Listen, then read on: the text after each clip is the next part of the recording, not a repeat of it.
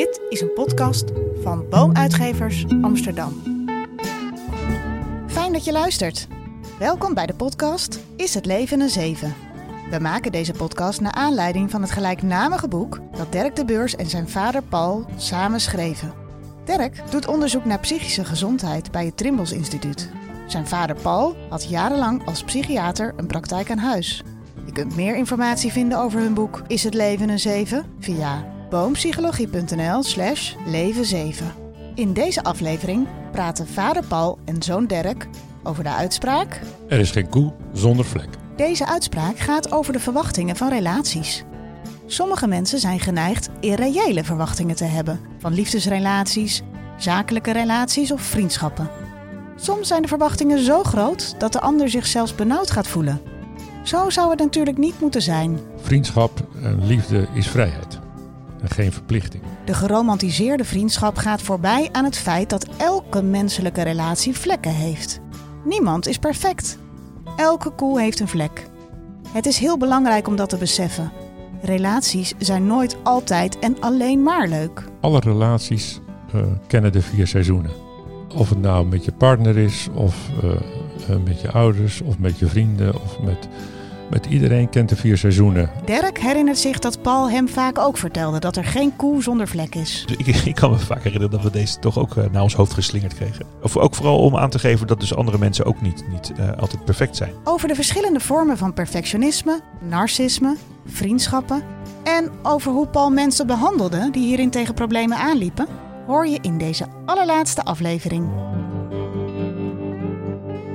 We zijn bij uh, podcast nummer 10 uh, aangekomen, Paul. Alles uh, wat leuk is gaat heel snel voorbij. Ja. En we gaan het nu wederom maar eens hebben over perfectionisme. Toen ik aan het boek begon, dacht ik er is gewoon één vorm van perfectionisme. Namelijk dat je overal de lat heel erg hoog legt. Maar er zijn drie vormen van perfectionisme waar we zo meteen nog op in zullen gaan. Laten we eerst naar de kern van de uitspraak gaan. En de uitspraak is, er is geen koe zonder vlek. Ja, je voelt hem misschien een klein beetje aan, maar uh, de kern van deze uitspraak is dat je geen hoge, irreële of uh, idealistische eisen moet stellen aan de ander. Of het nou je partner is, uh, of aan je vrienden, of aan vriendschap zelf, of aan je werkgever. In onze ideaaltypische wereld moet de ander perfect zijn. Dat eigenlijk dat hij zonder vlekken moet zijn. Ehm, dat is ook het streven, maar als je goed kijkt, dan uh, is gelukkig is er geen koe zonder een vlek. En in deze casus bespreken we Elgar. Uh, ja. Kan je iets over vertellen hoe hij jouw praktijk binnenkwam? Elgar was een, uh, een vrijgezelle jonge man van mid, midden dertig, leraar Nederlands, een hele dichterlijke filosofische man, die heel teleur, die was, kwam met depressieve klachten. En wat eigenlijk het thema was van zijn leven, dat hij zo teleurgesteld was in, in de ander. Had een paar relaties gehad, waar hij alles voor deed. Uh, haalde ze op van hun werk, uh, bracht ontbijt op bed. Nou ja, deed alles eigenlijk. Was volkomen in zijn ogen in dienst van die ander om, er, om haar gelukkig te maken. Mhm. Mm -hmm. Die relaties liepen toch fout. En wat hij vertelde was dat ze het toch als een te benauwend ervaarden. Hem, ze ervaarden ja, hem. Ze okay. ervaarden hem als te benauwend. En hij was ook heel teleurgesteld in vrienden. De meeste van die vrienden waren inmiddels uh, getrouwd of een relatie. En die hadden meestal kinderen. En ja, hij had, uh, stelde hoge eisen eigenlijk aan vriendschap. En uh, werd niet geïnformeerd over bijvoorbeeld een nieuwe auto die ze hadden gekocht. En hebben ze hem niet gebeld. En hij was dus heel teleurgesteld eigenlijk uh, in, in die ander. En, en daar kreeg hij dus, dus, omdat andere mensen hem teleurstelden, kreeg hij depressieve klachten van. Dat hij steeds meer eenzaam ging voelen. Of dat... Exact, hij werd eenzaam en hij kon er niet goed bij hoe dat dan zat met mensen. Wat, hij zei wel eens heel gek, ja, willen vrouwen dan geslagen worden of zo? Ik zeg, nou, dat is misschien het andere uiterste, maar... En, maar hij kwam dus in eerste instantie in therapie omdat hij had last van anderen vooral. Hij had niet per se last van zichzelf. Nou, hij werd, hij werd wel depressief. Ja, ja, ja. Omdat hij, uh, dat, steunsystemen, de, de, de, wat we allemaal nodig hebben, zijn beschermende factoren, zoals je zelf weet uit je suïcide-studie. Hij, hij, hij raakte vereenzaamd. Ja. Dus hij werd daarin eigenlijk somber. Door, uh, hij trok zich ook een beetje terug, teleurgesteld als hij was een beetje in de wereld om hem heen. Ja, ja, ja. En ging dan inderdaad in dichten en romans, vond hij dan een beetje zijn troost. Ja. Uh, de kern is, dat heb ik ook geleidelijk aan, is dat wel het thema geworden. Uh, de kern van de behandeling was vriendschap en liefde is vrijheid en geen verplichting. En wat hij eigenlijk deed was uh, dat hij zichzelf als een soort ja, een hoog ideaal zag. Dus hij had zelf te hoge, te hoge dunk eigenlijk van zijn eigen normen en waarden ten aanzien van vriendschap en liefde. Hij dacht dat hij de perfecte eh, partner was. Hij Ja, dacht dat hij ja. de perfecte vriend was, die, Ja. die iedereen wel zou willen. Ja. Ehm, hij moest dus inzien dat, dat hij zelf ook een koe was zonder vlek. Met een vlek. Met een vlek. Ja. Eh, sorry, ja, met nee, een vlek. Ja, ja, Nou ja, dat vind ik het fascinerend. Ik heb hem altijd zo begrepen namelijk ook, dat je dus zelf ook altijd een vlek hebt. En dus ook dat je eh, opkijkt naar anderen en ze vlekkeloos ziet, terwijl ze altijd dus eh, iets hebben wat je niet zo goed ziet. Terwijl hier, dit is, de- hij is toch iets anders bedoeld dan ik vroeger altijd gedacht had. Want dit is echt bedoeld dat je dus vanuit je eigen eh, narcisme eigenlijk dus anderen ook de lat hoog gaat leggen. Absoluut. Ja. Dat is, de, dat, is, dat is de kern eigenlijk van het geheel. Schiet nou opeens een verhaal eh, naar binnen van een, eh, een man die ik had, die eh, voor zijn huwelijk had hij een jaar lang een relatie met zijn, met zijn latere vrouw. Mhm. En hij dacht, ik ben met een prinses getrouwd. Of ik, ik ga met een prinses trouwen. Ze was zo leuk. En hij was nog niet getrouwd. Of hij vertelde me, ik had het gevoel dat ik met een heks was getrouwd. Het is Zo zag je opeens een, alleen maar het negatieve van die vrouw. Dus hij idealiseerde er enorm. Ja. Zag alleen maar eh, een soort ideaal typische vrouw. En daarna kon je alleen maar eh, de zwarte vlek zien van haar. Dan was het opeens een vrouw die, die, die vreselijk was. En een heks was in zijn beleving. Terwijl die vrouw niet veranderd was. Die vrouw is helemaal niet veranderd. Nee. Nee, ik, vond, ik heb dus dit. eh, eh, in de literatuur wordt het eigenlijk heel uitgebreid beschreven. Dat er dus blijkbaar eh, drie vormen van perfectionisme zijn. Namelijk, je kan jezelf eh, de lat heel erg hoog leggen. Dus dan heb je vooral last van je eigen eisen. Je kan eh, het idee hebben dat anderen jouw eisen opleggen, sociaal perfectionisme. Maar je hebt dus ook dus nog één vorm waar we het nu over hebben, is dat je perfect, de, last, eh, de lat voor anderen heel erg hoog legt. Dat is dus perfectionisme gericht op anderen. En wat ik daar zo in de literatuur zo frappant van, van eh, vond, dat is eigenlijk de meest donkerste vorm van perfectionisme. En ook dus degene die het meest met psychopathologie en ook met, met narcisme samenhing en ook met sociopathie samenhing. Dus dat, het zijn niet de leukste mensen die dit hebben. Omdat ze dus ook zo eisend zijn en zo gekwetst zijn Ja, en zo boos zijn ook. Ja, ja. Ja, er zit ook het perfectionisme inderdaad in, wat je zegt van, van eh, het, het hoge ideaal. Dat narcisme, dat kent eigenlijk twee vormen. Je kent mensen die eh, een, s- eigenlijk een soort kwetsbaar ik hebben, Ja. kwetsbaar ego. Ja. En dat omkeren door het tegendeel noemen wij dan. Dat is een afweermechanisme van Anna Freud. Omkeren en dan alleen maar opscheppen, hoge eisen eh, van zichzelf. eh, nou, eh, nou ja, zichzelf bijzonder vinden. En, en, dat projecteren ze ook op anderen. Die moeten hun ook bijzonder vinden. Dus dat moet ook gespiegeld worden, spiegelnarcisme. Ja. En je hebt de groep, eh, nou laat ik zeggen, de, de ernstige narcisten, wat ik wel de narcistopaten ben gaan noemen. Dat komt op de rand van psychopathie. En Ja. dat wil zeggen, mensen zijn in het contact heel vaak in het begin superficial charm. Ja. De, de oppervlakkige charme, heel erg vriendelijk, imponerend, maar zijn manipulatief, egocentrisch, dwingend, gebrek aan empathie. Er zitten sadistische kenmerken in. Ik zeg wel eens, er zijn drie, drie begrippen die makkelijk zijn te onthouden bij een narcist. Een echte narcist, dus de laatste groep, hè, de narcistopaten. Drie kenmerken hebben ze. Ze kunnen niet delen. Dat is natuurlijk het kenmerk van narcisme. Als Ja, je- alles is voor Bassie.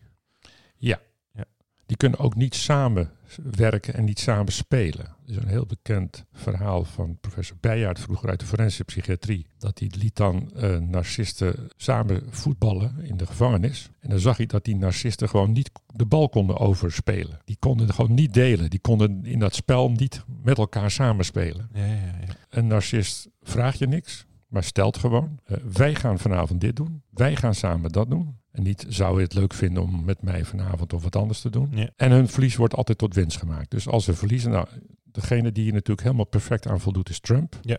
Trump kan niet delen. Het is allemaal zijn succes. Al doet een ander het, het is zijn succes. Hij vraagt niks aan anderen. Ze moeten dingen gewoon doen omdat hij dat wil. Ja. En eh, zijn verlies, nou ja, dat kan hij geen eens verdragen. Dus dat draait hij gewoon tot winst. Ik heb gewonnen terwijl hij evident verloren heeft. Maar dat zal hij dus nooit. En je ziet het. En dat, dat heersende, daar gaat altijd, het gaat altijd over macht daarin.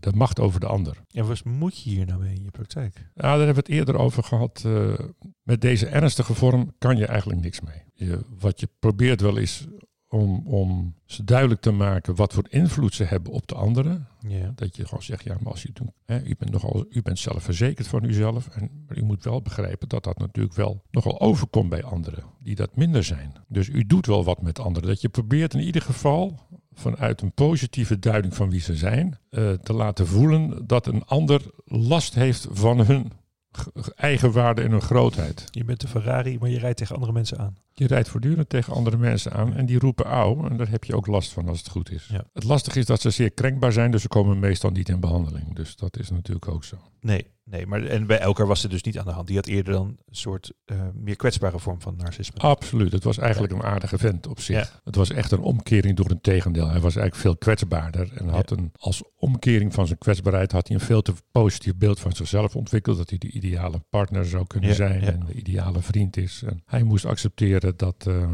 ja, ik zeg wel eens tegen mensen, soms lijkt een koe helemaal fantastisch, maar dan draai je hem om en dan zie je er toch nog een vlek. Dus soms moet je, en dat nou, heb ik ook met Elgar gedaan. Ik zeg, ja, als je zelf toch op een gegeven moment eh, omdraait, dan ben je net als wij allemaal. Je hebt toch ook een zwarte vlek ergens. En kon hij dat een beetje aan als je dat tegen hem zei? Dat is natuurlijk enorm confronterend voor iemand met zo'n. eh, Ja, dat kon dus alleen weer na verloop van tijd. We waren echt wel ja, ja, ja. maanden verder. Ja. En dat moet je heel geleidelijk doen. Dus geleidelijk aan een een soort duidingen, eh, inzicht inbrengen in, in zijn eigen valkuilen. En nou ja, dan helpt gewoon, er is geen koe zonder vlek. Met andere woorden, iedereen heeft wat. En, en was dit dan ook, eh, kwam dit vaker voor? Want dit is, ik, ik kan me vaak herinneren dat we deze toch ook eh, naar ons hoofd geslingerd kregen. Of ook vooral om aan te geven dat dus andere mensen ook niet, niet eh, altijd perfect zijn. Dus dan dat, dat, dat ik, heb mezelf dat als wat positiever ervaren dan dat je zelf te veel denkt dat iemand perfect moet zijn. Maar vooral dat je dus tegen andere mensen opkijkt. Ik heb het idee dat, dat je natuurlijk andere mensen makkelijker door het leven heen dansen. En zo heb ik hem altijd gesnapt. Dus er is geen koe zonder vlek. Maar zag je dus, heb je deze uitspraak ook bij andere patiënten vaker gebruikt? Ja, ik gebruik hem. Als het uitkwam, Ja. gebruikte ik hem wel. Om, om, nou, het is een andere duiding ook van je talent en je valkuil. Hè? Van, van, de, van je kwetsbaarheid, eh, om dat te laten zien. Om dat opgeschroefde ego wat naar beneden te halen. Want daar hebben Ja. ze heel veel last van. Ja, en, en was het een beetje te, eh, uiteindelijk te behandelen? Dus met zo'n Elwerker, dus dat duurde dus lang voordat je het kon bespreken. Ja, En als je die stap helemaal gezet hebt, is het dan, ehm, eh, dan, dan is dan dat is het begin eigenlijk pas. Ja want je breekt dus eigenlijk een stuk eh, ego af, om maar zo te Ja. noemen. Een zelfbeeld bouw je, breek je een beetje af heel geleidelijk aan. Dus dat is nou ook weer van belang om op te, op te bouwen. Het heeft bij hem, wat, er- wat er gebeurde wel, was dat hij mij ging idealiseren op een gegeven moment. En dat konden we goed bespreken ook. Dat het ook de neiging was om dan weer de hoge eisen te stellen aan een ander, dan in, maar dan in een positievere zin, om maar zo te noemen. Dat dat, is, een- dat is een mechanisme was. Ja. Maar het was toch een, een veel aardiger eh, vent dan, eh, dan misschien je zou lezen uit de casus. Want in het boek beschrijf je ook dat je wat, wat een beetje antipathie kreeg als je dat las van Elger, dat het toch helemaal niet zo'n aardige man was. Maar Ja, zo dwingend. Dat lijkt het tenminste zo. Maar dat is natuurlijk... Dus het, is ook, het helpt ook om te, om te snappen dat het een verdedigingsmechanisme is. Dus dat het niet per se iets is wat hij doet om gewoon dwingend te zijn. ja, Maar meer ook als een verdediging van zijn eigen eh, onzekerheid. Ja, en dat zie je natuurlijk heel erg. Hè? Dat je vaak je omkering door het tegendeel, wat we het noemen, dat iemand die onzeker is, enorm over, over zelfverzekerd lijkt over te komen en op te scheppen. Ja. Dat je denkt, ja, dat is nergens voor nodig. Dat moet ergens een functie hebben. Ja. Los van de negatieve narcisten waar we het er nu, eh, of perfectionisten, waar we dan over hadden met Trump. Wil je meer weten over Is het leven een zeven? Of het boek van Dirk en Paul bestellen?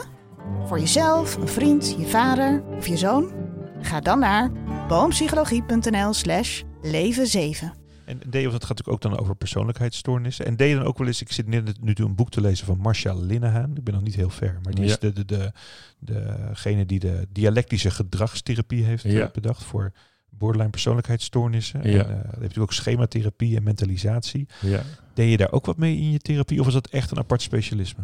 Eh, met Linehan eigenlijk niet, want dat is een hele intensieve individuele behandeling, waarin de therapeut ongelooflijk ook bereikbaar moet blijven voor crisis. Ja, ja, ja, natuurlijk. Ja. Young heb ik wel veel gebruikt om te laten lezen aan mensen. Dus de schematherapie. Die schematherapie. Eh, omdat het een beetje een mengbeeld is van analytische, psychodynamische en gedragstherapeutische. Eigenlijk een heel, eh, hele mooie theorie. Ja. Waarbij je wel als therapeut enorm cruciaal bent als een soort repairing elder. Dat je bent wel een ouder die, die heel veel moet herstellen. En dat is denk ik wel belangrijk geweest in de behandeling ook. Dat je moet proberen die, die veiligheid te bieden, die onvoorwaardelijkheid, de betrouwbaarheid, de voorspelbaarheid ook. Dat je altijd dezelfde bent. Ja. Dat je niet laat leiden door allerlei humeuren die je misschien zelf hebt, maar dat je toch probeert een constante, eh, voorspelbaar en, eh, en veilig persoon te bieden. En dan in de loop der jaren herstelt dan bepaalde kwetsbaarheden van mensen. Dat, is, dat heeft met jong, dat lezen van het boek is voor sommige patiënten ook heel erg zinvol gebleven. Maar ik ben er niet een, echt een specialist. Je hebt echt mensen die hebben ook een vereniging van schematherapeuten. Ja, ja. Maar zover ben ik nooit gekomen. Dus ik paste de, De basisprincipes toe en, eh, en de inzichten. Nou ja, dat, zo beginnen we het boek ook wel. Dat je inderdaad dus eh eclectisch werkt. Ja, Kun je daar nog iets eh, eh, over vertellen? nou ja, dat is, eh dat is Jung is eigenlijk een voorbeeld van een eclectische vorm van therapie.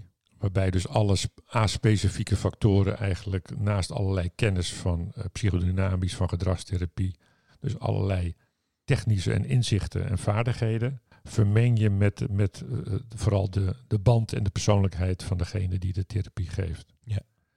En die combinatie, waardoor je ook, beetje, ook zelf, zelfverzekerder vo- voelt als therapeut, die maken eigenlijk een behandeling eh, tot een, een succes. Eh, niet dat altijd lijkt- natuurlijk. Nee, maar het is altijd de combinatie. Dat lijkt me dus lastig voor als eh, beginnende behandelaren aan het luisteren zijn. Die dan net een cursus of een opleiding gedragstherapie volgen. Waar ze natuurlijk geleerd wordt bepaalde stappen te doen. Zoals je zelf al zei, dat, dat is niet, niet iets wat jij vaak deed. Dat je heel gestructureerd een behandelprotocol afliep. Nee, daar was ik helemaal niet geschikt voor.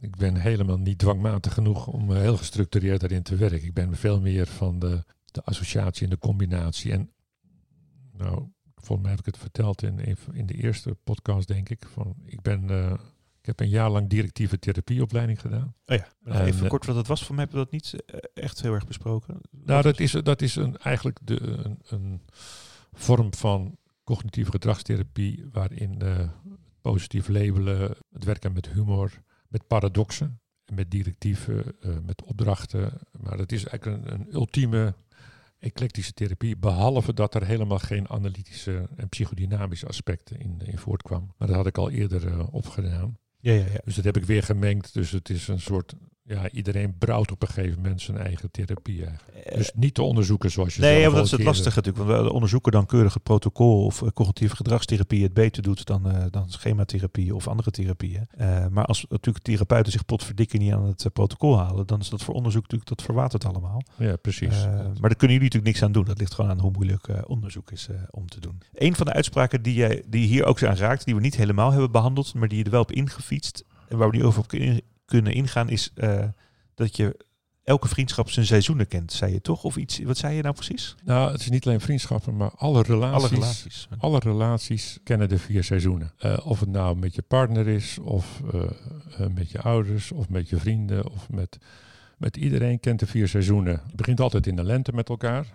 Als het goed is, dan is dat het begin van iets moois. Ja. Dan komt het tot volle bloei in de zomer. Er komt altijd een keer een mindere periode. Er komt altijd herfst aan en soms even een, een winterperiode. Is helemaal niet erg. Als je maar weer in een nieuwe lente komt Mhm. eh, doorontwikkelen. En ik denk dat dat natuurlijke. En als dat niet gebeurt, dan houden vriendschappen of relaties op. Dus daarom scheiden mensen soms wel eens na 30 jaar, omdat ze terechtkomen in een winter die maar geen nieuwe lente wil worden, Die niet stopt dan. Ja. die niet stopt. En dat, we- dat gebeurt ook met vrienden. Dus je moet zorgen voor onderhoud van de relaties.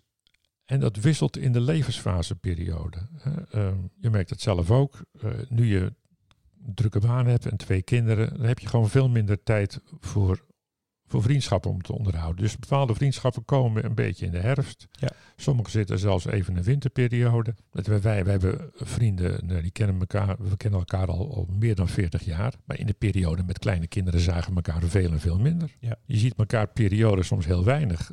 Eh, dan zit het even, als het maar daarna weer eh, een nieuwe lente komt. En Nee, ik merkte het vooral toen ik was dan een van de eerste van mijn vrienden die dan kinderen kreeg. En dan gaan je levens net zo uit elkaar lopen. eh, terwijl je daarvoor was, was je gewend om, om gewoon vrienden gewoon de hele tijd te zien. Want je kon altijd doen waar je zin in had. En dan nemen die kinderen je agenda over. En wat ik dan wel, interessant vond, is daarna zijn we natuurlijk ook verhuisd naar Haarlem. En dan ging je dus nieuwe vrienden maken. Maar dat voelde ook natuurlijk een beetje gek. Waardoor je dan dus je oude vrienden, daar heb je niet per se mee uitgemaakt. Het zijn gewoon je vrienden. Maar daar heb je geen nieuw verleden mee opgebouwd. Of nieuwe, eh, nieuwe ervaring mee opgedaan. Waardoor je dus. ehm, dus ik heb ook wel zelf gemerkt dat ik vooral ook iets moet doen met mensen. Dus je moet toch eh, een nieuwe toekomst opbouwen. En nieuwe ervaringen met elkaar opbouwen. Om ook met elkaar mee te groeien. Ja, ja, zeker. Je moet natuurlijk. eh, maar ik denk wel dat het leuk is. Als ik terugkijk naar mijn werkzame leven. heb ik eigenlijk van elke werksituatie altijd één vriend weer overgehouden. Ja, wat grappig. Ja. Ja. En dat koester ik altijd nog. Want ik denk wel dat het ook leuk is om weer nieuwe mensen te leren kennen. Of het altijd nou weer meteen vrienden. Sommigen wel. Hè. Nogmaals, ik heb steeds altijd één echte vrienden overhouden. Maar en elke levens, nieuwe levensfase vraagt weer om eh, nieuwe contacten. Ja. De kunst ook van het ouder worden is dat je niet blijft hangen in, eh, in het idee dat je allemaal eh, nou, veel moet omgaan met jonge mensen. Of de, de kunst van het ouder worden is dus omgaan met je leeftijdsgenoten. Dus als je met een nieuwe levensfase zit met jonge kinderen, dan is het leukst om ook met ouders te zitten met jonge kinderen. En Ja. dan is degene die geen kinderen heeft, is veel, veel lastigere relatie is dat op dat moment. Het Ja. kan later wel weer goed komen. Ja. En Hoe liep dat uiteindelijk met, eh, met Elgar af? Is het hem gelukt om ehm, anders in, in relaties te gaan staan, in eh, vrienden te maken? Ja, en wat bij hem ook geholpen heeft, is dat hij eh, mocht toelaten dat jaloezie eigenlijk een gezonde eigenschap is. Eh, Oh ja, wacht, dan, dit, dit hadden we inderdaad nog probeer uit elkaar te halen. Jaloezie, benijden en afgunst. En ik vind even, maar het onderscheid wordt in, in, gewoon in het dagelijks taalgebruik niet gebruikt. Dus wat bedoel jij nu met jaloezie? Nee, jaloers is eigenlijk een, een gezonde menselijke gevoel. Mhm. Het is niet een emotie, maar het is, het is echt een gevoel. Het zit in het limbische systeem meer. Je kan jaloers zijn. Het is gezond als je een nieuw broertje krijgt of een zusje dat je jaloers bent, want je krijgt opeens alle aandacht. En vaak willen mensen dat niet. Hè. Dan, is- dan- dan mag je niet jaloers zijn als kind. Dat is denk ik onzin. Als mens. Jaloers zijn is dat je iets ook graag zou willen hebben. Ja. Ja. Daartegenover staat afgunst. Ja. Afgunst, dan misgun je echt iemand. Er is een prachtig boek van J.A. Groen, Afgunst regeert de wereld. Die legt heel mooi het verschil uit tussen afgunst en jaloezie. En Elgar was echt iemand die niet misgunde, maar die was jaloers. En Hij dat, wilde het ook eigenlijk. eigenlijk wilde hij het Ja, ook. niet ten koste van de ander per se. Nee. Ja. Dus hij misgunde het niet, maar hij wilde graag ook. Hij wilde graag ook een relatie, hij wilde graag ook vrienden. En ehm, dat heeft hem wel geholpen dat jaloezie eigenlijk niet een taboe was, maar dat het heel gezond was. En dat had hij eigenlijk eh, ver- nou ja, onderdrukt. En, Ja, en verdringing is natuurlijk een heel bekend afweermechanisme. Ontkenning, dat is het meest basale. Het gebeurt ook veel. En dat heeft hem ook geholpen. En uiteindelijk is het heel goed afgelopen. Ik kreeg eh, vier jaar later van hem een, een trouwkaart. Dat Ja, was dat wel heel erg leuk. Dat Ja. eh, En daar wat ik zo, ik vond het model in de literatuur waarin je ook dus ziet dat, dat als mensen eenmaal dus zo afgunstig zijn, dat ze dan ook hun eigen verlies gaan organiseren. Dus ze, hebben, ze gaan natuurlijk zelf wat, wat scherper en filijner eh, reageren, waardoor mensen al je gaan vermijden. En ook onbewust eh, eh, worden ze ook veel sensitiever op dingen, waardoor ze ook alles juist negatiever gaan zien. Ja. Dus zo kom je ook in een soort cirkel terecht. Self-fulfilling prophecy. Ja, ja. dat vond ik altijd wel heel. Dat weet je natuurlijk ook altijd wel. Maar om zo ook in zo'n model te zien, dat het ook echt. Ja, dat is wel ook wel pijnlijk om te zien. Dat mensen zo hun eigen verlies kunnen organiseren. Ja, ja, dat is ook de veiligheid soms. Hè?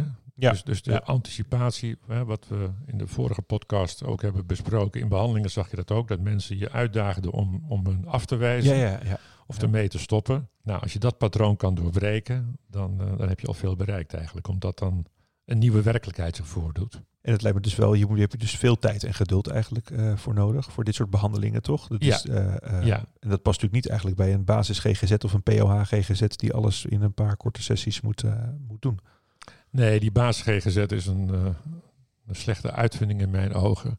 Behalve dat het goed is als je daarin de klachten behandelt. Daar hebben we het ook wel eerder over gehad. Klachten behandelen is soms voldoende. Hè? Ja. Het bedplassen van een kind bijvoorbeeld hoef je alleen maar te zorgen dat je dat gedragstherapeutisch, als dat nodig is, behandelt. Hoef je niet allerlei eh, gezinsproblemen en gezinssystematiek te analyseren. Ehm, daarvoor is de basis GGZ of de POH GGZ prima.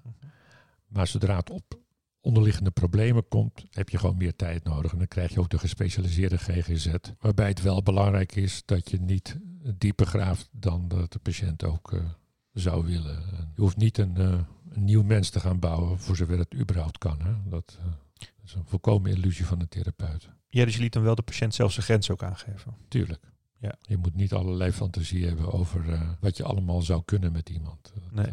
En zat er dan ook niet, dan niet het gevaar van dat mensen dingen verdrongen en niet wilden bespreken? Dus dat ze taboes voor zich hielden dan? ja, maar dat is dan toch, het heeft soms een, een functie. Ja. Dat- Sommige dingen hebben gewoon een functie. En, en als die functie eh, een manier is om in ieder geval intact te blijven, of daarmee te moeten doen, hè, ehm, dan is dat ook op dat moment goed. En soms dan liet je het ook gebeuren, dat hebben we al eerder al verteld. Ja. En dan kwamen ze later terug met een andere klacht. En dan, nou, dan was het probleem nog steeds hetzelfde. En dan kon je wat eerder bij het probleem komen. Ja, dus je moet ook telkens aftasten wat kan op dat moment. Om dus ook, eh, want je hebt natuurlijk met Elgar moest je ook toch wel eh, iets wat een functie had, eh afzien te breken eigenlijk. Dat natuurlijk hij dat beschermmechanisme had rond zichzelf en naar anderen gebouwd. Ja, maar nou, wat van belang is, we hebben het in de eerste podcast ook over gehad. Er moet een leidersdruk zijn bij mensen, wil je Ja, veranderen. Ja. En die ernstige narcist die we noemden, dus de narcistopaten, die hebben helemaal geen leidensdruk. Alleen de omgeving. Nou ja, ze hebben last van de omgeving, want die doen niet wat ze willen. Trump heeft geen enkele leidersdruk. Nee. De mensen lijden onder hem en niet hij onder zichzelf. Eén grote vlek eigenlijk. Eén grote vlek. Ja. Dit was aflevering 10. De allerlaatste aflevering. Vond je het leuk? Volg en like ons op Instagram. Leven7 en vertel anderen over het boek en de podcast. Meer informatie vind je op boompsychologie.nl slash leven7. Veel dank voor het luisteren.